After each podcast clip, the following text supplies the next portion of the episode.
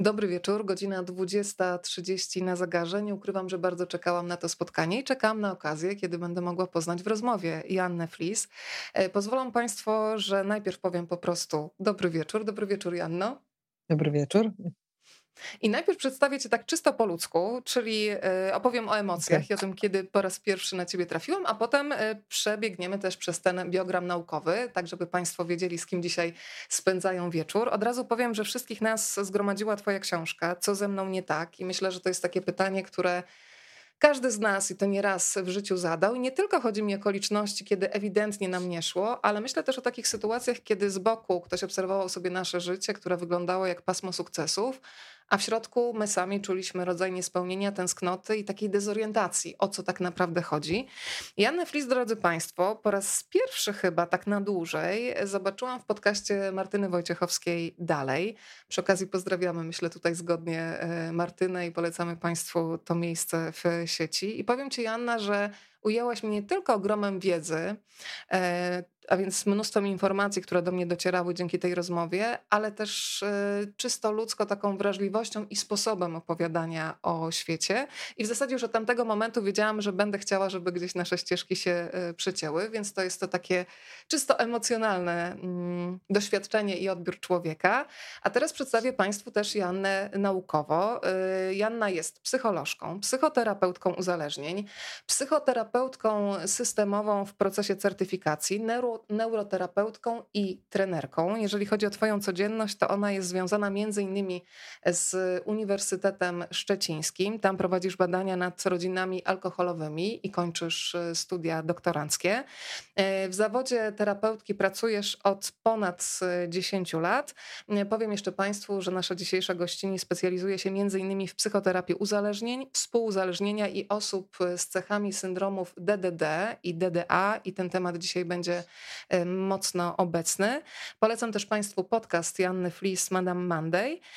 No i przypomnę, że rok temu ukazała się pierwsza książka Joanny zatytułowana Współuzależnieni jak zatroszczyć się o siebie i budować zdrowe relacje z osobami uzależnionymi.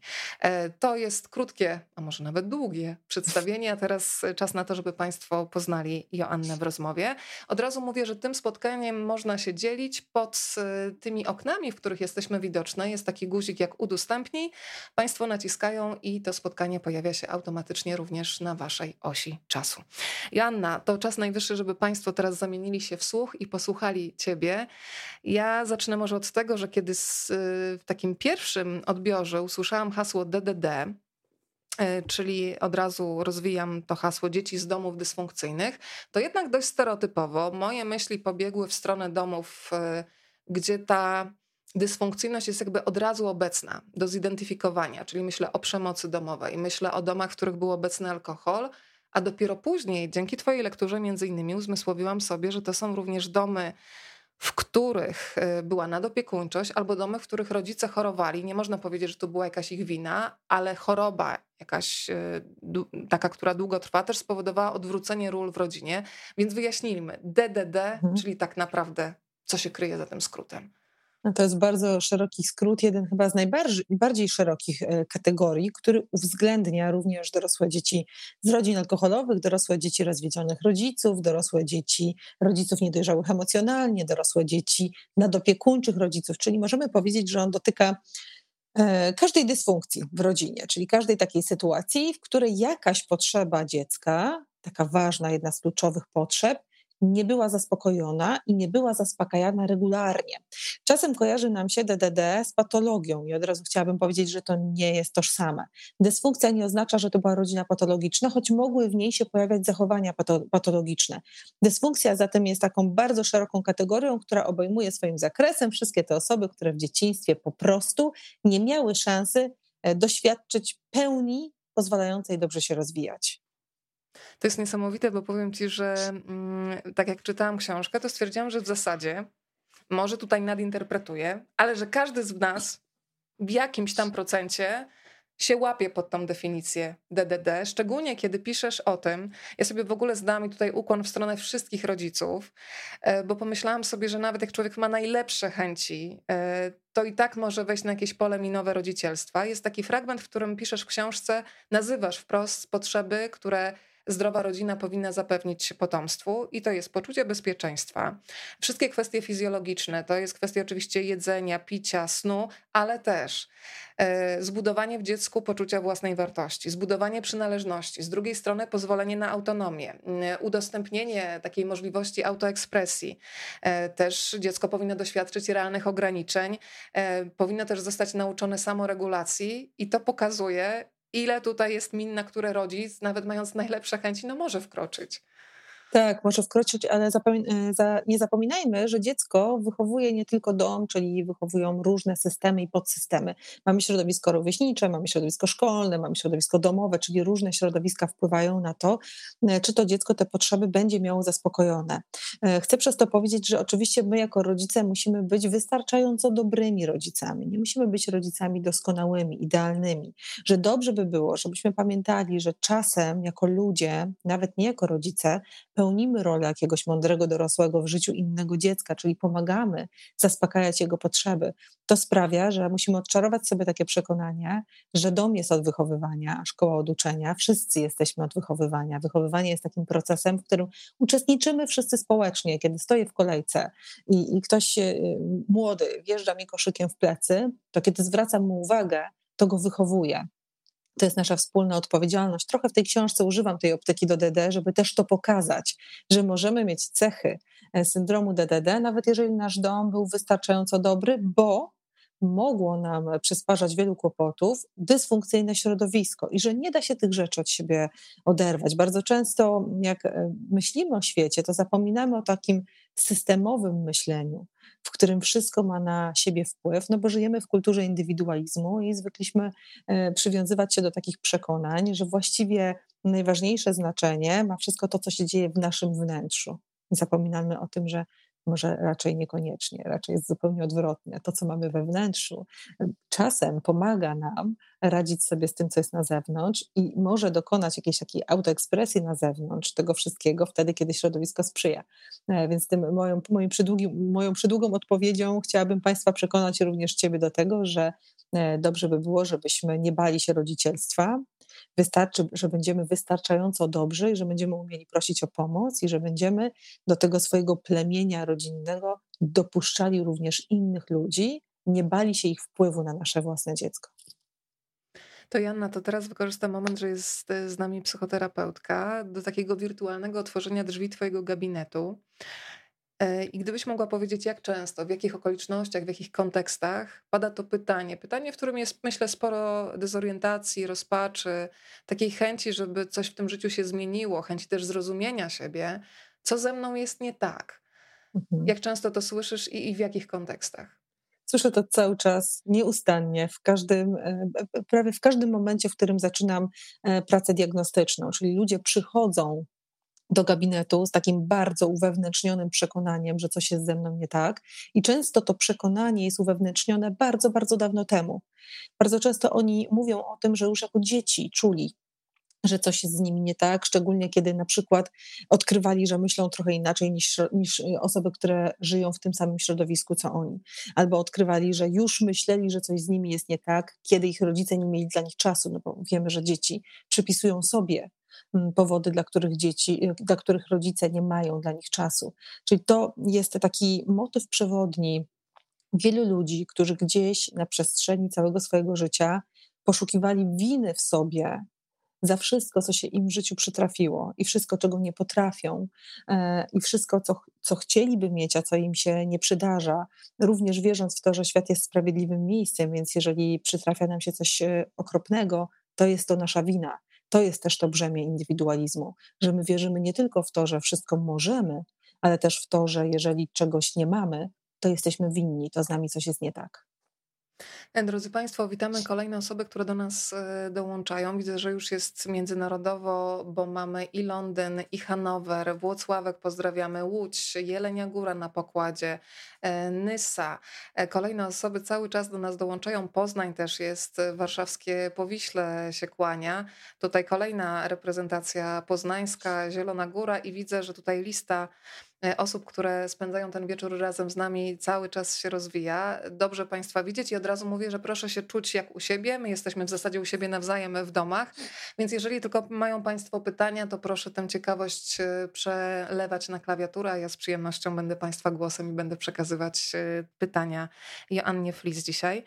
Janno, to mm, skupmy się też na tym, że myślę, że ta książka w sposób szczególny będzie bliska wszystkim, którzy wychowywali się w latach 70. i 80 chociaż myślę, że tak naprawdę będzie bliska każdemu, bo można też e, czytając historię e, Twoich rozmówców, e, Twoje doświadczenia, odnosić się do tego, co znamy z, z własnego dzieciństwa albo teraz ze współczesności, z czym mierzą się rodzice. Ale dla mnie taki bardzo ciekawy wątek to jest to, kiedy jako już dorosła osoba, dojrzała osoba, możemy sobie spojrzeć, jak wyglądało nasze dzieciństwo i powiem Ci, że z przerażeniem odkryć, jak wiele dzisiaj kompletnie nieakceptowalnych zachowań, na przykład nauczycieli w szkole, uznawano za normę. I dla mnie takie najsmutniejsze było to, że nawet nie to, że te patologiczne e, sytuacje się zdarzały, czy hasła, które słyszeliśmy, ale że kompletnie nikt nie reagował, że to po prostu tak przelatywało i nikomu nawet nie przyszło do głowy, że coś jest nie tak. Powiedz, jak zbierałaś te wszystkie takie hasła, w których się wiele osób odnajdzie mhm. z lat 70. i 80., o czym mówili twoi pacjenci, bo wiem, że oni ci też dostarczali swoje pamiętniki, bo pamięć bywa zawodna, a kiedy masz już dowód na papierze, no to nie ma w ogóle dyskusji. Tak było. To nie jest to, że my sobie to coś wymyślamy po latach. Tak, rozmawiałam z moimi pacjentami, rozmawiałam z grupami terapeutycznymi DDD, DDA. Prosiłam ich o to, żeby, żeby pomogli mi odświeżyć te wspomnienia. I powiem Ci, że kiedy odświeżałam te wspomnienia, to w pewnym momencie byłam bardzo nimi też przytłoczona ponieważ do, y, pamiętałam, że tego było bardzo, bardzo dużo, ale nie pamiętałam, że aż tak. I nie pamiętałam, że aż tak duży kaliber był tych takich powszechnych naruszeń, których e, dopuszczali się tamtejsi dorośli, takich naruszeń, które, których dopuszczali się bezrefleksyjnie, takiej zgody na to, że można dzieci bić, że można je poniżać, e, że można je obrażać, e, że można je upokarzać, że można je publicznie zawstydzać, że można właśnie im wdrukowywać przekonanie, że coś jest z nimi nie tak, ludzie przynosili mi historie, nie tylko te e, zdania, których ja używam e, w książce, ale też historie o klęczeniu na grochu, o siedzeniu e, tygodniami w oślej ławce, o takim momencie, w którym, zresztą to jest też e, moja historia, kiedy sąsiedzi mogą cię wytargać za uszy, kiedy mogą ci, moja sąsiadka wkładała dzieciom e, e, w majtki pokrzywe, kiedy coś jej się nie podobało. Więc ludzie zaczęli im przynosić różne historie, historie głębokich upokorzeń ze strony tamtych dorosłych, albo takich doświadczeń, w których byli zawstydzani, na przykład dojrzewaniem kto nie zna statusu pijanego wujka na weselu, albo która dziewczyna nie wie, jak to jest, kiedy wszyscy zwracają uwagę na to, że zmienia się twoje ciało, że zaczynasz stać się kobietą, kiedy wszyscy zaczynają to, to oceniać. Więc tych historii był ogrom, tych opowieści był ogrom. Gdybym chciała to wszystko zmieścić w książce, byłaby ona jednym wielkim zapisem dysfunkcyjnych zachowań, niedojrzałych zachowań tamtych dorosłych, którzy próbowali dzierżyć rolę dorosłego Tak, to jest y, ten moment i ten fragment, który w naukowym języku psychologii się nazywa parentyfikacją, prawda? Mhm, e, tak. Ty o tym opowiadasz i powiedzmy, bo znowu y, tutaj jak łatwo wejść w schematy, ja się sama cały czas na tym łapałam, że parentyfikacja mi się, wiesz, kojarzyła jakoś z takim kompletnym odwróceniem ról w rodzinie, na przykład w rodzinie alkoholowej, kiedy dziecko mhm. na przykład jest wysyłane przez dorosłego po to, żeby wyciągało ojca na przykład z jakiegoś miejsca, gdzie on pije, e, czy żeby zajmowało się domem. E, a tutaj tutaj ta parentyfikacja znowu może mieć bardzo różne oblicza. E, I w zasadzie chyba za parentyfikację możemy też y, nazwać, określić nią ten moment, kiedy dziecko na przykład siedmioletnie zaczyna się opiekować dzieckiem pięcioletnim. Dziecko dziesięcioletnie zaczyna się zajmować dzieckiem siedmioletnim, czyli tak naprawdę przejmuje rolę rodziców i nie ma na przykład czasu na zabawy ze swoimi rówieśnikami. Zawsze musi być mądrzejsze, bo jest starsze. No ale umówmy się, e, jest starsze, ale cały czas ma 10 czy 7 lat, więc to są wymagania e, nie dla dziecka, a jednak to się działo. Tak, nieadekwatne do dziecka. O, tej, o tym książce pisze doktor Barbara Chojnacka. I musimy sobie przypomnieć tamten okres i te oczekiwania wobec dziecka, e, które często czytaliśmy jako oczekiwania związane z uczeniem nas odpowiedzialności, ale to nie było uczenie nas odpowiedzialności.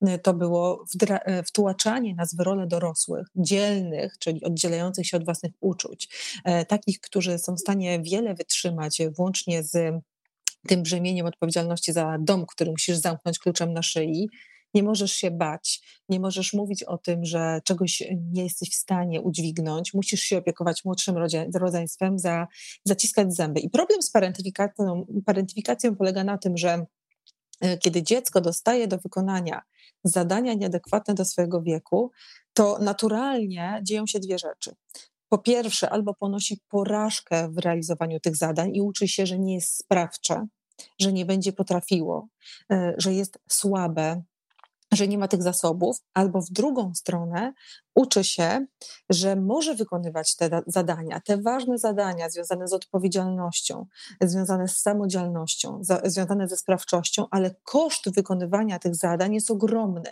Czyli ja to robię ale to mnie tak strasznie obciąża, że ja potem w dorosłe życie wchodzę z takim przekonaniem, że nie chcę być osobą odpowiedzialną, nie chcę być osobą sprawczą, nie chcę dzierżyć bardzo trudnych zadań w moim życiu, bo po pierwsze albo nie będę tego umiała zrobić, albo zapłacę za to ogromny koszt. I my mamy bardzo dużo w tej chwili dorosłych osób, które przychodzą do gabinetu terapeuty i mówią, wiesz co, ja nie chcę podejmować tych nowych zadań, bo ja się boję, że tego nie wytrzymam. Boję się, że ta ilość emocji, e, która będzie się, się z tym wiązała, będzie dla mnie przytłaczająca, będzie dla mnie zabójcza. Patrz, jak dużo osób boi się stresu, też tego zdrowego stresu, który nas rozwija i który pomaga nam się koncentrować. Więc parentyfikacja sprawia, że kiedy dziecko musi być dorosłym, to w dorosłym życiu nie podejmuje dorosłych zadań, tylko jest dziecinne, czyli podejmuje zadania dzieciństwa. E, wydaje nam się, w te, tamtejszym dorosłym się wydawało, że jeżeli wychowają dzieci, które będą w dzieciństwie harde, czyli dojrzałe, to te harde dzieci wyrosną na niezniszczalnych dorosłych. Ale jest zupełnie odwrotnie. Harde dzieci, które dźwigają coś, czego się nie da udźwignąć, wyrastają na dorosłych niepewnych, zakompleksionych, za dorosłych, którzy nie ufają, że mają swoje zasoby, za dorosłych, którzy unikają odpowiedzialności, unikają właśnie sprawczości, bo boją się kolejnej porażki albo kolejnego bólu. I to jest coś, z czym spotykam się w gabinecie terapeutycznym. Z ludźmi, którzy bawią się w taki slalom z różnymi wyzwaniami w życiu, czyli podejmują pozorne działania, albo robią wszystko, żeby nie czuć, żeby nie działać, znieczulają się na różne sposoby, na przykład sięgają po alkohol, albo robiąc różne rzeczy, e, które są poniżej ich możliwości, poniżej ich kompetencji, albo się autosabotując, czyli mówiąc: Nie, ja nie jestem w stanie, nie potrafię, to jest ponad moje siły, nie mam na to zdrowia, nie mam e, na to kondycji. Tam jest też takie zdanie, które wypowiada Janna Chmura, jedna z Twoich rozmówczyń, psycholożka, którą Państwo spotkają w książce Co ze mną nie tak. Najważniejsze pytanie, jakie każdy z nas musi sobie zadać, to pytanie o to, co robię, żeby nie czuć. E, I tutaj ten wątek wywołałaś. Dla mnie takim tematem, bardzo takim aż odbieranym przez ciało, bo dotyczącym ciała, jest ten wątek, który porusza między innymi Marzena Barszcz, psychoterapeutka, fizjoterapeutka, terapeutka manualna. Mówi innymi tak, jeszcze do niedawna ponad 90% społeczeństwa wskazywało identyfikację z religią katolicką. A czego się z niej dowiadujemy o ciele? Że ciało jest grzeszne, że jest nieczyste, że jest powłoką tymczasową, którą raczej trzeba stłumić że z masturbacji trzeba się spowiadać, bo jest drogą grzechu. I myślę, że odwrócenie tej naprawy, i tam jeszcze, jeszcze jest fragment o tym, że ciało jest czymś zagrażającym, domem popędów, które mogą sprowadzić na drogę grzechu. I myślę, że odwrócenie tej naprawdę patologicznej, manipulującej wizji zajmie kilka kolejnych dekad. Powoli widać pewne zmiany, choć narracja ta wciąż jest w nas jeszcze obecna. E, I bardzo jest taki poruszający wątek, kiedy rozmawiacie z Marzeną Barszcz na temat tego, i to jest pytanie też teraz do Państwa, do mnie, niech każdy sobie je zada. Jak myślimy o ciele? Czy my jesteśmy ciałem, czy my to ciało posiadamy? Rozwij proszę, bo to jest tak pasjonujący temat y, mhm. i ten moment zatrzymania jest potrzebny, żeby rzeczy, które wydają nam się oczywiste, kiedy już się zatrzymamy, nagle zobaczyć, jej, ja też to robię, też tak czuję i zaczynam rozumieć, dlaczego tak to wygląda, nie inaczej.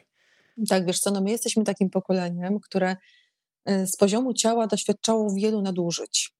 Czyli my musieliśmy zjeść do końca, bo się zmarnuje.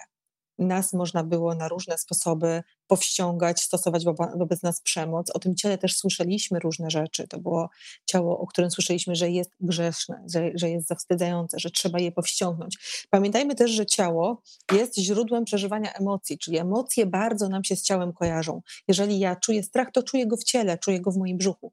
Jeżeli ja czuję radość, to czuję go tak w całym moim ciele, czuję jakieś pobudzenie. Jeżeli czuję lęk, to również czuję go w biodrach, czyli ciało jest nośnikiem emocji. I my znaleźliśmy sobie jeden, to jest jeden ze sposobów, ale znaleźliśmy sobie taki fantastyczny sposób na to, żeby nie cierpieć. I sposobem na to, żeby nie cierpieć, jest oddalenie się od własnego ciała i przejęcie nad nim kontroli. Kiedy jestem poza moim ciałem, kiedy używam mojego ciała, to nie dotyczy tylko naszego pokolenia, Aleksander Lowen już o tym pisał, ale kiedy jestem poza moim ciałem i kiedy ja mojego ciała używam, a nie jestem nim, to też oddalam się od moich emocji, to też oddalam się od mojego bólu, to oddalam się od moich popędów, to oddalam się od moich pragnień. I spójrz, co my teraz robimy. My próbujemy tych ciał używać, ucząc się na zewnątrz, co powinniśmy czuć, jakie potrzeby powinniśmy mieć, jeść, mieć co powinniśmy jeść, jak powinniśmy się ruszać. O tym też mówi Agata Litwińska. Czy jesteśmy wyspani, czy nie wyspani, używamy zegarków, które nam powiedzą, czy to, ten, ten sen dzisiejszy był dobry. I Marzena Barszcz pięknie o tym mówi. Tak. Powrót do ciała to będzie powrót do pełnej witalności, bo w ciele też mieszka witalność. Ja myślę, że te wszystkie mm, e, modele, które my w tej chwili testujemy, czyli próbujemy wprowadzać różne rutyny w nasze życie, tak dużo tych rutyn, że one wypełniają całą naszą dobę, albo że właśnie szukamy magicznego sposobu na to, aby to ciało spełniało kryteria atrakcyjności, jeszcze nigdy nie było tak opancerzone jak dziś. Czyli wcześniej było wychudzone, myślę sobie o dziewczętach, ale w tej chwili jest mocno opancerzone, obstawione takim mięśniem, który jest jak taka zbroja. A potem idziemy morsować, żeby zanurzyć się w zimnej wodzie, żeby przez moment coś poczuć.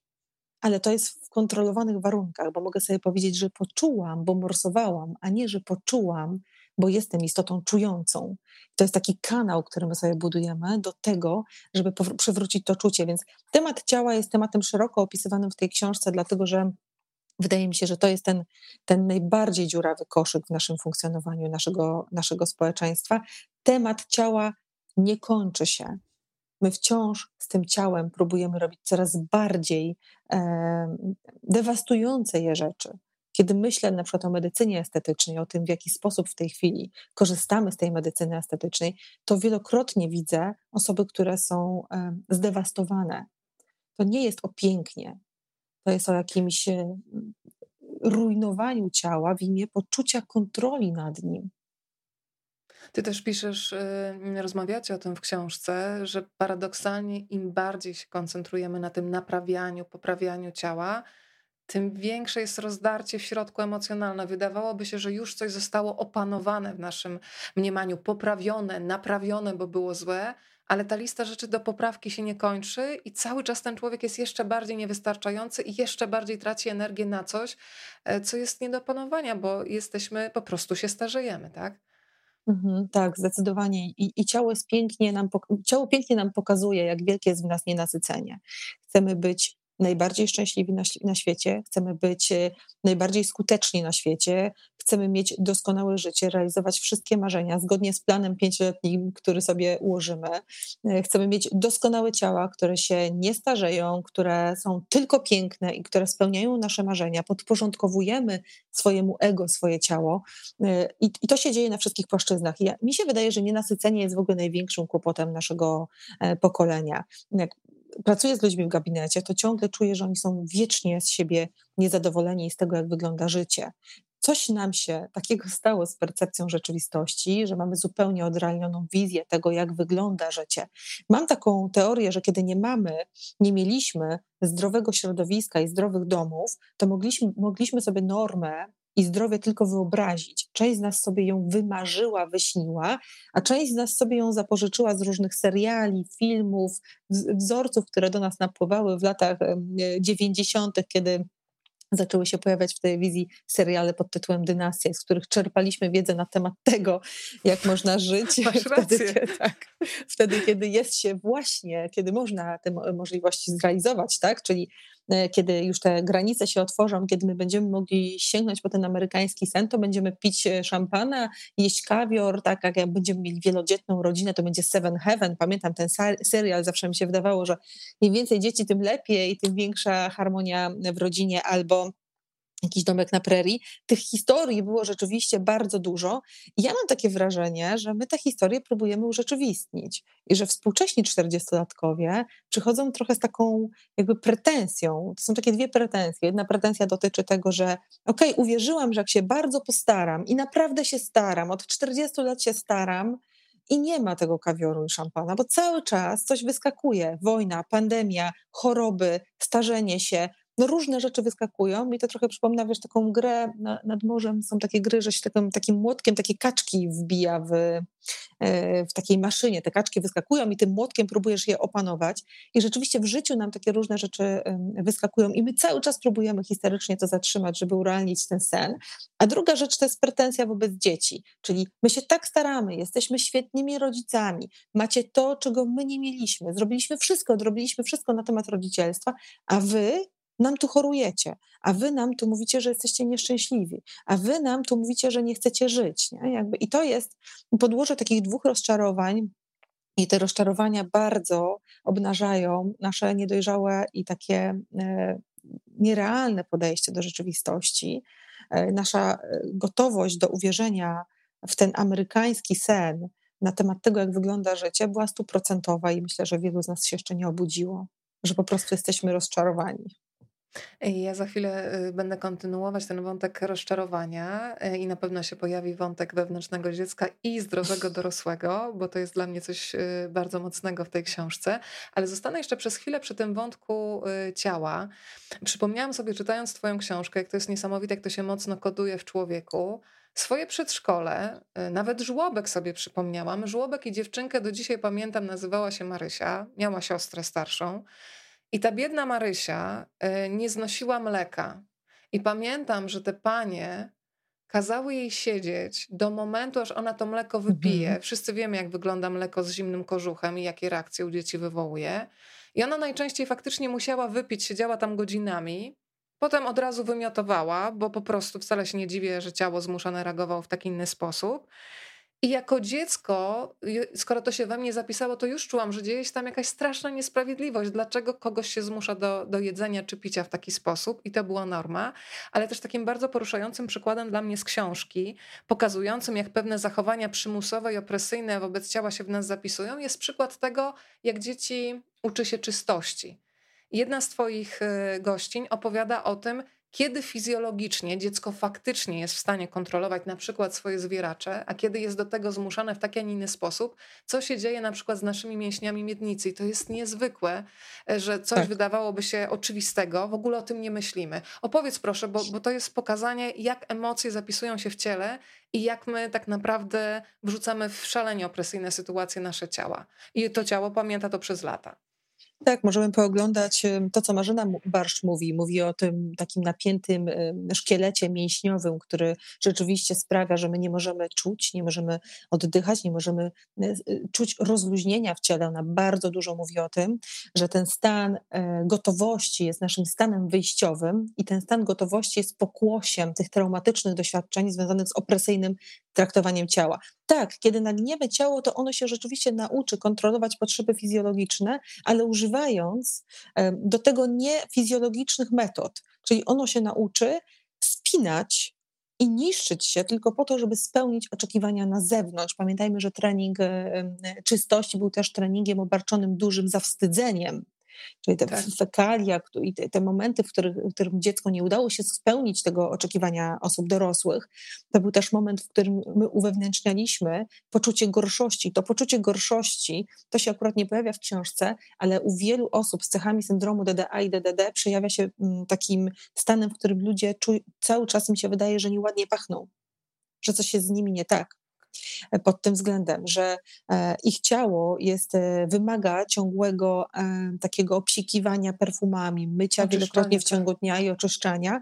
I nawet nie mówimy tutaj o takim poziomie gdzie ktoś ma zaburzenia obsesyjno-kompulsywne i po prostu na tym tle ma natręstwa, tylko mówimy o takim momencie, w którym ludzie wierzą, że to ciało jest tak nieprzyjemnym obszarem dla innych ludzi, obcowania z innymi ludźmi, że wymaga oczyszczenia i zresztą wiele osób mówi o oczyszczaniu wewnętrznym.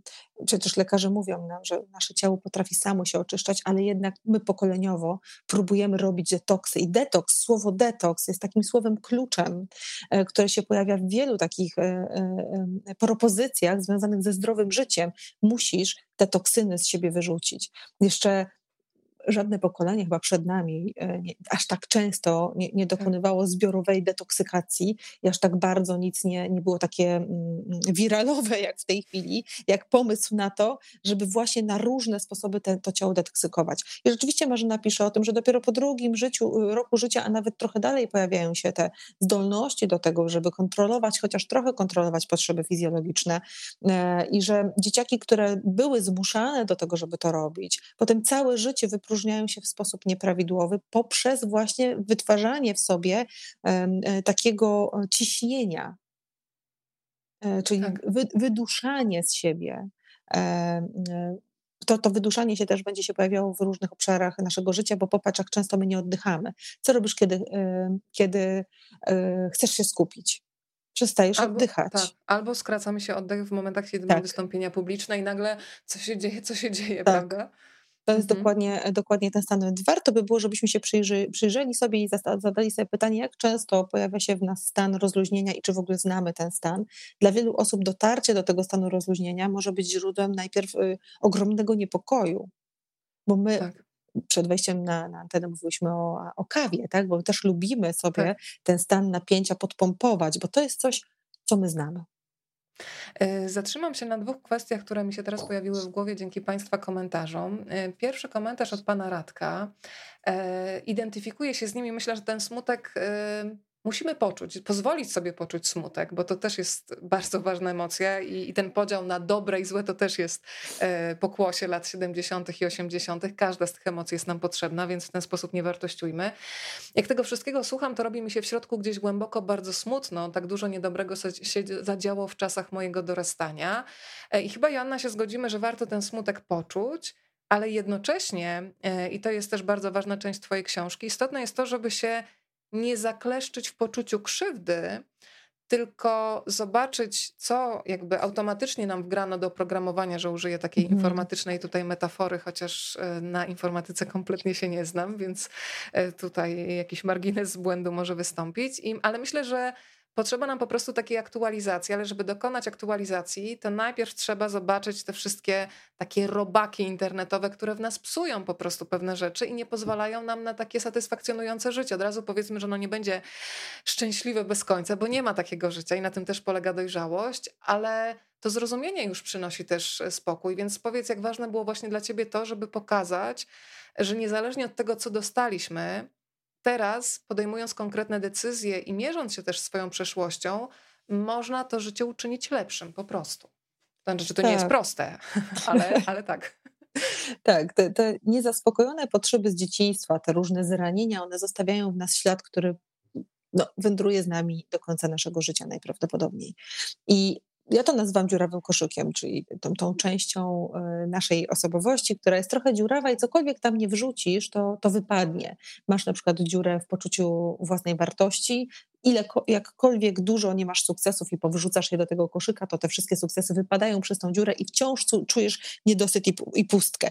I oczywiście e, to nie jest nasza wina, że my mamy dziury w koszyku, ale to jest nasza ogromna odpowiedzialność, żeby e, z tymi dziurami postępować właściwie, czyli żeby się na nich nie fiksować, żeby je rozumieć, mam dziurę w koszyku i nie podporządkowywać tym dziurom swojego własnego życia, bo czasem zdarza nam się zafiksować się na tym, czego nie dostaliśmy, czyli na tych brakach, na przykład na braku poczuciu bezpie- poczucia bezpieczeństwa, albo na braku właśnie poczucia własnej wartości, albo autonomii i podporządkowujemy życie pod jednej niezaspokojonej z dzieciństwa potrzebie, której nie da się w pełni zaspokoić, czyli nie da się poczuć sytości wobec niej. I Odpowiedzialność polega na tym, żeby świadomie to regulować. Czyli jeżeli ja jestem w związku, w którym nie czuję się wystarczająco kochana, bo to jest mój dziurawy koszyk i naprawdę potrzebuję bardzo dużo zapewnień o tym, że ktoś mnie kocha, że ktoś mnie nie opuści, że na kogoś mogę liczyć mm, i zamęczam tego mojego partnera, partnerkę codziennymi pytaniami o to, czy mnie kocha, to to jest moja odpowiedzialność zobaczyć, że to ja jestem nienasycona, i że te pytania tylko sprawiają, że ja nie jestem w stanie zdrowo funkcjonować w innych obszarach i że te pytania przyklejają mnie do tej dziury, która już jest wystarczająco bolesna. I to jest moja odpowiedzialność, żeby uczyć się nie wrzucać kolejnych rzeczy do tego koszyka w nieskończoność, żeby przejąć nad tym kontrolę. Często mamy też taką skłonność do tego, żeby budować sobie, jak zobaczymy e, tę, tę dziurę w koszyku, albo tą naszą, tą naszą przeszłość, pojawia się w nas ten smutek, żeby budować sobie poczucie krzywdy. Poczucie krzywdy jest trochę prostsze niż poczucie odpowiedzialności, bo poczucie krzywdy zakłada w nas pielęgnowanie pozycji ofiary. No i musimy sobie to głośno powiedzieć, że pozycja ofiary przynosi nam wiele korzyści nawet jeżeli e, jest nieprzyjemna. Z pozycji ofiary możemy na przykład przerzucać odpowiedzialność za wszystkie nasze dorosłe e, potyczki, na tych, którzy są w przeszłości, są ulokowani w przeszłości, których już nie ma tu i teraz z nami. Z pozycji ofiary możemy rozliczać świat za to, że, że mm, jesteśmy tu, gdzie jesteśmy, bez wkładania wysiłku w to, żeby być w innym miejscu. Więc dzieci lubią pozycję ofiary, dzieci lubią e, pozycję krzywdy, te dorosłe dzieci, czyli te, te osoby, które nie, są niedojrzałe, ponieważ ona zwalnia z ciężkiej pracy. Bo chcę tu bardzo wyraźnie powiedzieć, że wzięcie odpowiedzialności za swoją dziurę w koszyku to jest potężna, heroiczna praca, którą my wykonujemy w relacji z samym sobą i nikt za nas jej nie wykona. I dlatego to poczucie odpowiedzialności, które możemy za siebie wzbudzić, e, zakłada wyjście z komfortowej e, pozycji, w której używamy naszej przeszłości do usprawiedliwiania teraźniejszości. Dlatego w tej książce, no, to, to, to jest trochę brutalne, ale możemy sobie pooglądać przeszłość mm, i możemy się nad nią zasmucić. I to jest ważne, żeby uprawomocnić nasze utraty z dzieciństwa, żeby zobaczyć tamtego dzieciaka, którym byliśmy, żeby powiedzieć, e, tak, przytrafiła ci się krzywda, to nie było ok, co się działo działo, powinno być inaczej, ale żeby potem bardzo szybko przejść do roli dorosłego i powiedzieć, a teraz to jest Twoja ciężka praca, którą musisz włożyć w swoje własne życie, w które warto, żebyś się zaangażował, żeby ono było dobre. Nikt nam tego nie, wiesz, jakby nie, nie, nie naprawi i nie załatwi mhm. za nas. I nawet nikt nam tego, bo czasem liczymy na to, że nam ktoś e, za to zadość uczyni za te utraty z przeszłości. Nikt nam nie zadośćuczyni. To jest nasze e, zadanie. Jeżeli ktokolwiek ma coś dla nas zrobić, to jesteśmy my sami. Jest też taki fragment Małgosi, e, który też otworzył w mojej głowie pytanie, bo pomyślałam sobie, że faktycznie część na przykład rodziców, która wychowywała swoje dzieci w latach 70. i 80., może mieć po lekturze takie poczucie winy. E, Małgosia napisała, Oj, chyba nie ze wszystkim się zgadzam, bo wychodzi na to, że jestem patologicznym rodzicem, bo moje dzieci nosiły klucz na szyi, miały różne obowiązki, między innymi pilnowały się nawzajem. Jak we wszystkim ważna jest y, równowaga i zastanawiam się, bo oczywiście ja też myślałam sobie o tym, że na przykład nasi rodzice byli wychowywani też przez rodziców, na przykład pokolenie powojenne, które też kompletnie było zamrożone, na przykład emocjonalnie w wielu sytuacjach, więc siłą rzeczy nie mogło też przekazać pewnych umiejętności. I zastanawiam się, jak sobie właśnie radzić z czymś takim, albo właśnie takim protestem, który się rodzi, albo też z czymś, co sobie wyobrażam, że wiele osób może mieć przy lekturze, takim poczuciem winy, że nawaliłem. Mhm. I, i, I wiesz, i tu się znowu zaczyna y, dziać coś w głowie i zastanawiam się, co z tym zrobić? No. Mhm. Dobra, to wróćmy może do tego słowa patologia. Czyli absolutnie to, że nawalamy w niektórych obszarach naszego życia rodzicielskiego, nie oznacza, że jesteśmy patologicznymi rodzicami. I to jest to, to ten moment, w którym się spotkałyśmy i powiedziałam, dysfunkcja nie oznacza patologii. Tak. E, do tego jeszcze dysfunkcja musi pojawiać się dość regularnie i dotyczyć jakiejś potrzeby, właśnie taki, e, frustrowania jakiejś potrzeby w sposób regularny. Czyli to nie chodzi o to, że ja jak zostawiłam e, moje dzieci, żeby się sobą zajęły kilka razy w życiu, to znaczy, że to jest już dysfunkcyjny dom, który zrobił im ogromną krzywdę. Nie, absolutnie. Chodzi o jakąś, o jakąś stałą dysfunkcję. I oczywiście takie było środowisko wtedy. Bardzo trudno było wychowywać w wielodzietnych rodzinach dzieci bez wsparcia osób z zewnątrz. Tamci rodzice to byli, byli rodzice, którzy, których rodzice byli pokoleniem powojennym, kompletnie nie potrafiącym empatyzować ani ze, ze swoimi dziećmi, czyli taki stosującym dość mocno zimny chów. Więc to były takie warunki, w których to rodzicielstwo wyglądało inaczej. I zachęcałabym wszystkich rodziców, którzy czytają tę książkę i zaczynają zauważać, ok, zrobiłam coś nie tak w tym moim rodzicielstwie, do tego, żeby nie reagować na to poczuciem winy, bo to nie jest książka, która ma kogokolwiek rozliczyć. To jest książka, która ma nam pozwolić odczytać na nowo przeszłość, bo bez, bez odczytania na nowo przyszłości nie da się zbudować zdrowszej przyszłości. I trochę do, do, dotykamy tutaj takiej delikatnej sfery, w której my się boimy ze sobą głośno rozmawiać o tym, co jest nie tak, bo natychmiast wydaje nam się, że to jest jakieś polowanie na winnych. Musimy pamiętać, że w każdym środowisku, w każdym systemie, w którym żyjemy, e, popełniamy błędy. Błędy są rzeczą, rzeczą ludzką czasami normalizujemy zbiorowo jakieś błędy i musi upłynąć wiele lat do tego, żebyśmy zobaczyli, co znormalizowaliśmy i że to było niekoniecznie trafne. Na tym polega rozwój człowieka, na tym też polega rozwój nauki. Bez tego siedzielibyśmy cały czas w jaskiniach i nic by się nie zmieniło. I absolutnie nie szukamy winnych, tylko szukamy odpowiedzi na to, jak można byłoby to zrobić inaczej.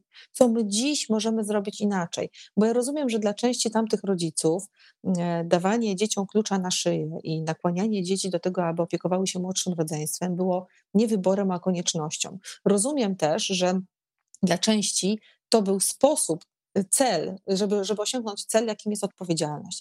Ja dziś zadaję sobie pytanie o to, co to w nas zostawiło, jaki ślad w nas to zostawiło i o to, jakiego środka możemy użyć, żeby osiągnąć ten cel. Bo nie zawsze środek, cel uświęca środek, tak? Czyli my nadal chcemy uczyć dzieci odpowiedzialności, ale może warto, żebyśmy robili to w inny sposób. I też pamiętajmy, że jak popełniamy jakieś błędy w rodzicielstwie, to świat nie jest czarno-białym miejscem to nie oznacza, że od razu spadamy z piedostału rodzica wystarczającego. Bo mamy taką skłonność do tego, że jak się przyłapujemy na jakimś, jakiejś nieprawidłowości, to bijemy się w piersi, krzyczymy moja wina. I może warto by było, żebyśmy się tego po prostu oduczyli, bo to nie jest konstruktywne rozwiązanie. Ja rozumiem, że tamci rodzice też radzili sobie najlepiej jak mogli. Gdyby potrafili inaczej, radziliby sobie inaczej, ale nie potrafili, więc radzili sobie tak jak mogli. Pewnie za 20 lat ktoś mógłby albo 30 napisać taką książkę o nas. I mam nadzieję, że to się stanie, bo dzięki temu kolejne pokolenia będą mogły wchodzić w kolejne przestrzenie e, zdrowiej. Mam nadzieję, że zdrowiej.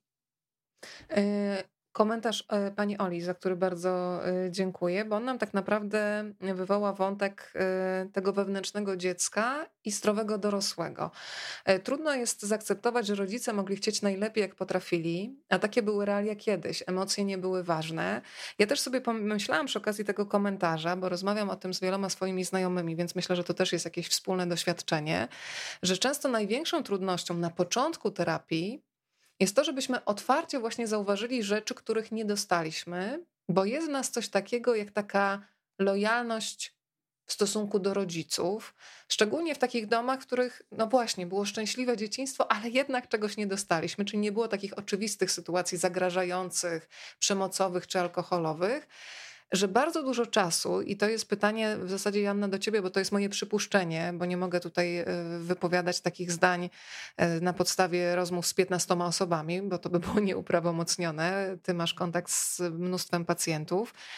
Czy jest coś takiego jak lojalność rodzinna źle pojęta, która powoduje, że tak naprawdę potrzebujemy znacznie więcej też takich spotkań, żeby się otworzyć i w końcu dostrzec, bo tak bardzo nas boli to, że e, ci nasi bogowie, rodzice, bo w pewnym momencie dla dziecka e, ci rodzice są bogami, też mogli nas zawieść w jakichś momentach. Jest to tak bolesne, że po prostu bardzo późno nam to przechodzi w ogóle przez gardło. No, trochę tak jest, że jeżeli idealizujemy jakiś obiekt, to potem bardzo trudno jest nam dostrzec jego wady, a jak dostrzegamy wady, to mamy skłonność do, do dewaluacji, potem się tego boimy. W terapii systemowej mówimy o czymś takim jak zdrowa lojalność rodzinna i niezdrowa. Zdrowa jest wtedy, kiedy po prostu dbamy wzajemnie o to, żeby członkowie naszej rodziny otrzymywali od nas właściwą, uzasadnioną życzliwość, co wcale nie oznacza, że nie możemy mówić na zewnątrz o tym, jakie błędy popełniamy wzajemnie wobec siebie. A niezdrowa e, lojalność rodzinna pojawia się w systemie hermetycznym, czyli takim systemie, e, który jest bardzo sztywny każda rodzina, która ma jakieś dysfunkcje, to jest rodzina, która ma bardzo takie sztywne granice na zewnątrz, czyli nikt tam nie może zajrzeć i nie wolno niczego wynosić na zewnątrz poza ten dom i rozpuszczone granice pomiędzy członkami rodziny, czyli wszyscy czują się odpowiedzialni za wszystkich, również emocjonalnie odpowiedzialni za wszystkich. Ja jestem odpowiedzialna za to, że moja mama się zdenerwowała, tak? Ja jestem odpowiedzialna za to, że e, mój ojciec pije. Ja sprowokowałam mojego e, ojca do tego, żeby mnie uderzył. Popatrz, jaka tutaj jest e, sieć wzajemnych odpowiedzialności za tak. siebie. I teraz mamy taki niezdrowy system, w którym sztywne granice podpowiadają dziecku, że albo jesteś z nami, albo jesteś przeciwko nam.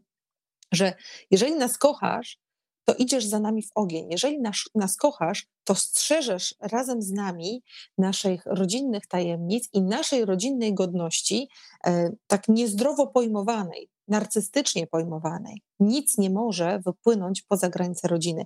Jeżeli to robisz, to znaczy, że jesteś marnotrawnym dzieckiem. Jeżeli to robisz, to znaczy, że nie szanujesz swoich rodziców. Jeżeli odważysz się zawołać o pomoc, jeżeli odważysz się podzielić tą historią z kimś innym, to znaczy, że niewystarczająco kochasz i jesteś wdzięczny swoim rodzicom za wielki opierunek, który e, oczywiście otrzymałeś. Więc ta niezdrowa e, lojalność potem się w nas odbija. Jesteśmy takimi dorosłymi, którzy czują lojalność na przykład e, wobec struktur w pracy, w których dzieją się rzeczy niezgodne z naszymi wartościami. Albo boimy się mówić o tym, co widzimy, co jest nie tak, bo ktoś przestanie nas lubić albo wyrzuci nas poza granice e, tego plemienia i tej wioski i będziemy sobie tam po tych e, bezdrożach, jak pisała Brené Brown, wędrować samotnie i już nigdy nikt nas nie przyjmie.